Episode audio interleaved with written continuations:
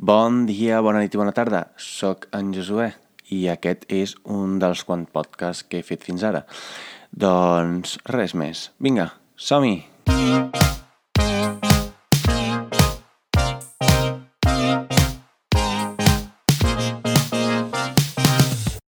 Molt bé, doncs avui us vull parlar d'un tema que me l'estava rumiant molt i a banda perquè us ho confessaré, m'he comprat un micro de l'Amazon per 35 euros i en realitat no sé si funciona bé o malament, però sembla ser que sí.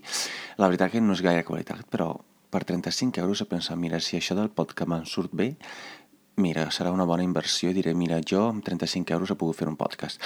Però, a banda d'això, avui us volia parlar d'un tema que és el tema de, del coming out, de sortir de l'armari, bàsicament.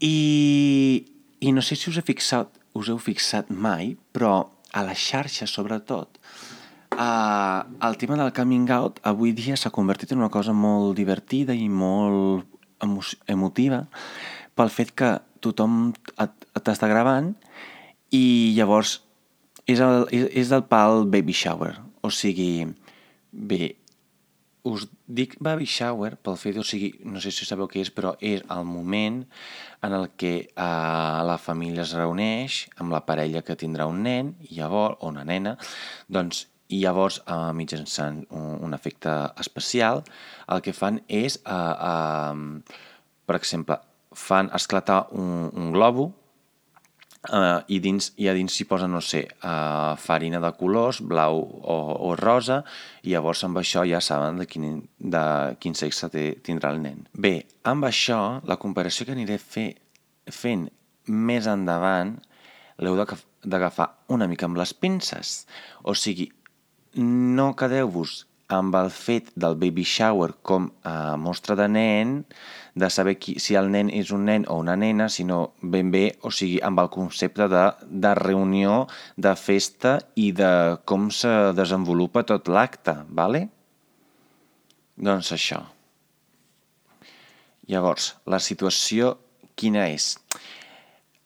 La situació és la, la qual tu et trobes en una habitació, estan els teus pares i, i arriba un moment en el qual dius mama, papa, sereu pares d'un gay bàsicament. És que no hi ha res més, o sigui, tampoc és que hi ha molt, molt, moltes coses a, a explicar. I llavors, això jo sempre ho he trobat bastant repugnant, però no sé si és repugnant perquè no m'agraden aquest tipus de coses o, o si bé perquè no m'agrada, bueno, perquè no he tingut jo la mateixa facilitat i la mateixa sort que han tingut aquesta persona que directament no podia penjar al web i no passaria res. Aviam, una cosa, no cal que em vingueu a sobre. Sé i en sóc conscient que encara que el col·lectiu LGTBI avui dia a Barcelona és molt acceptat, no hi ha gairebé cap problema, però hi ha molta feina a fer. Ara bé, jo fer un baby shower, sincerament, no sé si és la cosa més oportuna, però bueno, cadascú que faci el que li surti en gana. I, i a banda d'això, la feina a fer és que, clar, o sigui, haurien de normalitzar, el, o sigui, el baby shower aquest, jo crec que no l'haurien pas de fer del pal, ai mama, sóc gay, perquè si és una cosa normal, o sigui, l'haurien de normalitzar com és, no sé, em prenc un got d'aigua en lloc d'un got de d'una infusió, o he començat a fumar als 13 anys, o he anat a la, a, a la màquina expendedora, venedora, no sé com es digui, però a comprar condons perquè li vull ficar la titola no sé aquí. O sigui, o sigui, seguir hauria de ser com una cosa així, o sigui, per exemple, una cosa normal, els heterosexuals, els nois sobretot, tendeixen a vestir-se com el puto cul. Home, és una cosa molt normal i, i està molt assumida i molt acceptada a la societat i que els gais ens vestim millor, també. Però bueno, encara queda molta feina a fer. Doncs, a banda d'això, hi havia un altre component d'aquest tema que són els pares. I jo reconec que amb els meus pares me'ls estimo molt, però de, per una banda també els odio molt. I me'ls estimo quan em deixen dos duros perquè estic pelat, però els odio quan treuen o comencen a soltar aquells comentaris homofobitos que mm, em fan gràcia a nivell zero. I, bueno, però això ho he anat gestionant, ho he anat assumint, encara que o sigui, em costi, em faci bastant de fàstic, però bueno, són les coses a, a, a les que t'hi acostumes. Doncs avui us volia explicar aquesta història que em va passar, doncs que això remunta en un dia d'estiu de 2013-2014 i era l'època en la que eh, en el Facebook doncs tothom penjava una foto amb un cartell i aquest cartell posava si arribo al 100, al 100 o al 200 o als 1.000 eh, m'agrada, doncs faré alguna cosa. Jo, I jo llavors doncs, vaig pensar, doncs mira, jo també vull ser del mateix eh, ramat d'ovelles i he penjat si arribo als 100 likes em faig hetero durant un dia. I els meus pares va, va passar cosa que després van seguir fent amb el temps, és que eren bastant xafarders. I a banda d'això, el tema privacitat dels fills és una cosa que mai li ha agradat molt i tampoc mai n'han entès va, gaire. I llavors sempre tenien alguna, alguna persona, perquè jo també, de tonto, tenia el Facebook obert, o sigui, cosa que penjava, cosa que es podia, que es podia veure des de qualsevol perfil sense ser amic meu, doncs van mirar-ho, van veure aquesta foto i aquell fatídic dia d'estiu doncs van engegar la meva germana, no la merda, però la van enviar a passejar el gos. I m'estranyava bastant.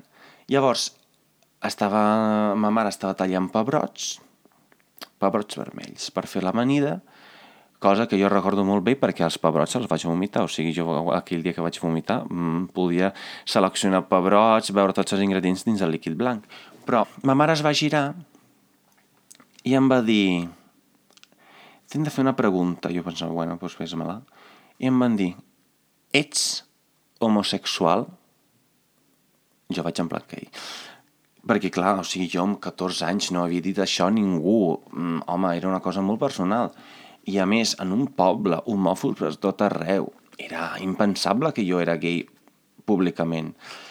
I llavors es va girar amb el ganivet, que estava tallant els pebrots, i em va demanar això, al costat estava el meu pare, me'l van tornar a demanar, i jo vaig dir que sí, però que el 2014 doncs que ja no es deia homosexual, sinó que ja es deia gay.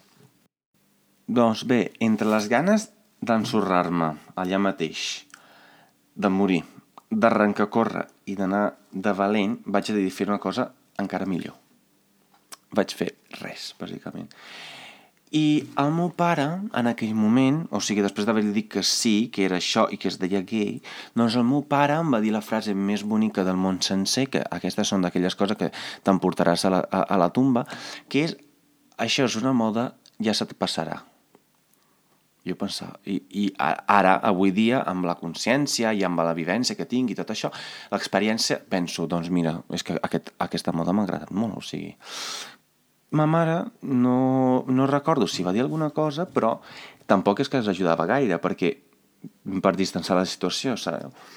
Doncs al cap d'uns dies que em va arribar una notícia encara més bona, és que em portarien a l'endocrí i després al psicòleg. I, per si no ho sabíeu, o sigui, el que estudia l'endocrí, què és? L'endocrinologia és la branca de la medicina que tracta les disfuncions del sistema endocrí i les seves secrecions específiques, anomenades hormones. Bàsicament, els meus pares em van portar a un metge per veure si jo tenia alguna descompensació hormonal.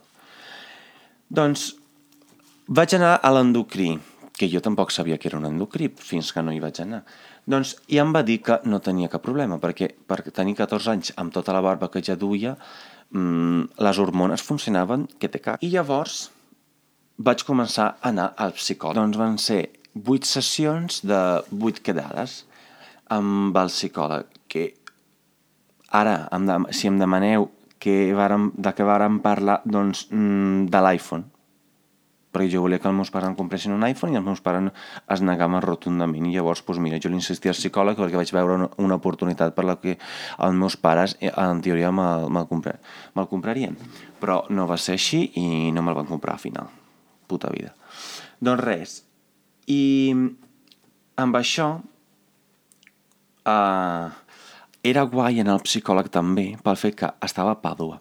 I al meu poble, que es diu Carmiano di Brenta, no hi havia cap McDonald's i tampoc n'hi havia algun al voltant, però com que era Pàdua, que està com a 40 a 30 quilòmetres més o menys del meu poble, una mitja horeta de cotxe, així, doncs hi havia un McDonald's i m'encantava anar al McDonald's. L'única cosa que meus pares no m'hi portaven sovint perquè no estava a prop del poble i tampoc volien que jo mengés d'això. I m'encantava perquè cada cop bueno, gairebé cada cop anava al McDonald's de tornada. O sigui, és que por favor, si plau. L'única cosa que m'encantava del psicòleg era anar al McDonald's. Però bé, així va ser bàsicament uh, com va ser uh, la meva sortida de l'armari. Ara bé, el temps va anar passant i jo és que tampoc hagi tret més el tema, tampoc amb meus pares. Ara bé, faig tre fa, fa tres anys i, i pico, que estic vivint aquí a Barcelona, ja fa gairebé 3 anys que estic amb la meva parella, estic encantada de la vida.